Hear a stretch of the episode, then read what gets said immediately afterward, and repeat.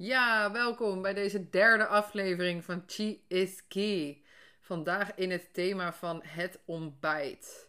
Ehm, ik ga gelijk beginnen met een quote. Ontbijt als een koning, lunch als een edelman en diner als een bedelaar.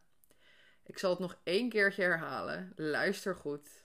Ontbijt als een koning, lunch als een edelman en diner als een bedelaar.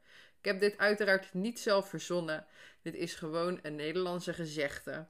En wat het eigenlijk betekent is dat je grootste maaltijd van de dag het ontbijt moet zijn. Daarna de lunch ietsjes kleiner. En dat de kleinste maaltijd van de dag uh, het avondeten is. In onze Nederlandse cultuur is het natuurlijk helemaal andersom. Uh, heel veel mensen slaan het ontbijt zelfs over of eten vrij weinig. Lunch is wat groter en onze beste avondmaal is s avonds. Uh, waarom is dit nou eigenlijk niet zo goed voor het lichaam? Uh, dat is omdat uh, de milt en de maag, ja, dat zijn twee organen. Die twee zijn samen de belangrijkste organen voor ons spijsverteringssysteem. Heel veel mensen uh, denken van ja, maar de darmen zijn toch ook heel belangrijk. Klopt. Alleen in het verwerkingsproces, in het allereerste proces van voedsel wat het lichaam binnenkomt, uh, daarmee gaan de milt en de maag aan de slag. Ja, dus als die twee al niet werken, dan gaat het in die darmen al helemaal niet goed komen. En die milt en die maag, die zijn dus ochtends het meest actief. En wat bedoel ik daar nou mee? Is dat um, in, binnen de Chinese geneeskunde heb je de orgaanklok. En daarin wordt getoond dat elke twee uur een orgaan in het lichaam de meeste energie krijgt. Uiteraard krijgen alle organen heel de dag energie, want anders zouden we niet kunnen leven. Maar er is één orgaan die op twee uur lang het meeste energie krijgt om zijn functie uit te oefenen. Van de maag is dat van 7 uur ochtends tot 9 uur ochtends. Wel een, een kleine notitie daarbij, dat is in de wintertijd.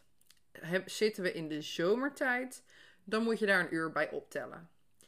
En het beste tijd voor de mild is van 9 uur ochtends tot 11 uur ochtends. Dus binnen 7 uur ochtends en 11 uur ochtends, ik blijf even in de wintertijd praten, is het dus van uiterst belang: één, dat je ontbijt. Uh, twee, dat je groot ontbijt. En drie, dat je ook nog eens de juiste producten ontbijt. Um, die laatste kan ik nog een hele andere podcast over wijden. Dus dat ga ik ook een keer doen. Wat nou de juiste producten uh, zijn. Maar waar ik het nu even bij wil houden, is dat uh, de mild en de maag houden van warm voedsel. En het liefste dus ook een warm ontbijt. En nu hoor ik iedereen denken: gadverdamme. Ik zit toch niet te wachten op een bak nasi uh, om uh, 8 uur s ochtends. Uh, kan ik me zo voorstellen. Vind ik zelf ook niet echt prettig. Maar er zijn andere opties. Een hele goede optie zou zijn havermout. Warm. Warme havermout.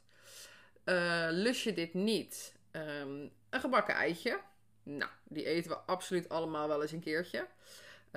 Pannenkoeken. Uh, als je je echt in wil verdiepen, dan kan je een recept opzoeken voor congee. dat is een soort doorgekookte rijst. rijstepap zou je kunnen eten. Nou, en als je dan denkt van ja, maar Anna, ik ben Hollander en geef mij maar gewoon een sneetje brood. Oké, eet dan geroosterd brood. Dat het toch net iets warmer is dan in zijn originele staat. En uh, je hoeft niet gelijk je hele dieet om te gooien uh, en gelijk er vol in te gaan. Maar probeer eens dit gewoon één of twee dagen in de week te doen. En eet dan ook een goede portie. En kijk eens wat dat met je energie doet. En ook met je hongergevoel heb jij dan tijdens het avondeten nog steeds zoveel honger? Want ik denk dat als je dit steeds langer volhoudt, nou ik denk het niet, ik weet het, dan ga je uh, veel minder trek krijgen, veel minder eten gedurende de dag en toch veel meer energie hebben. En dan nog als laatste tip: eet niet te laat je diner. Eigenlijk na 8 uur s avonds niet meer eten. Omdat die mild en die maag dus de meeste energie in de ochtend krijgen, betekent dit dat naar hoe later het tijdstip gaat, hoe minder energie naar hun bedeeld wordt.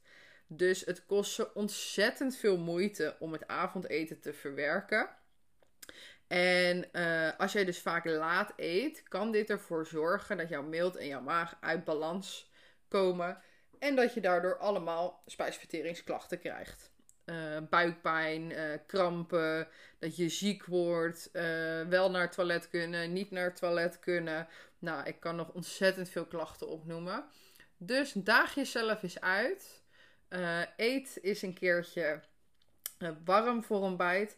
Oh, wat ook nog een hele goede is in de ochtend is soep. Ik weet het, het klinkt vies, maar als je er eenmaal aan gewend bent, kan dit zo fijn zijn. En wat nog een tussenstap zou kunnen zijn, is dat je soep maakt. Uh, kippensoep zou echt het allerbeste zijn. Um, maar dat je tijdens het ontbijt, dat je meer alleen de bouillon uh, drinkt. Um, en bijvoorbeeld een geroosterd boterhammetje ernaast uh, eet. Ja, dus zo, zo zie je dat er allemaal verschillende uh, variaties mogelijk zijn. En nou, heel veel succes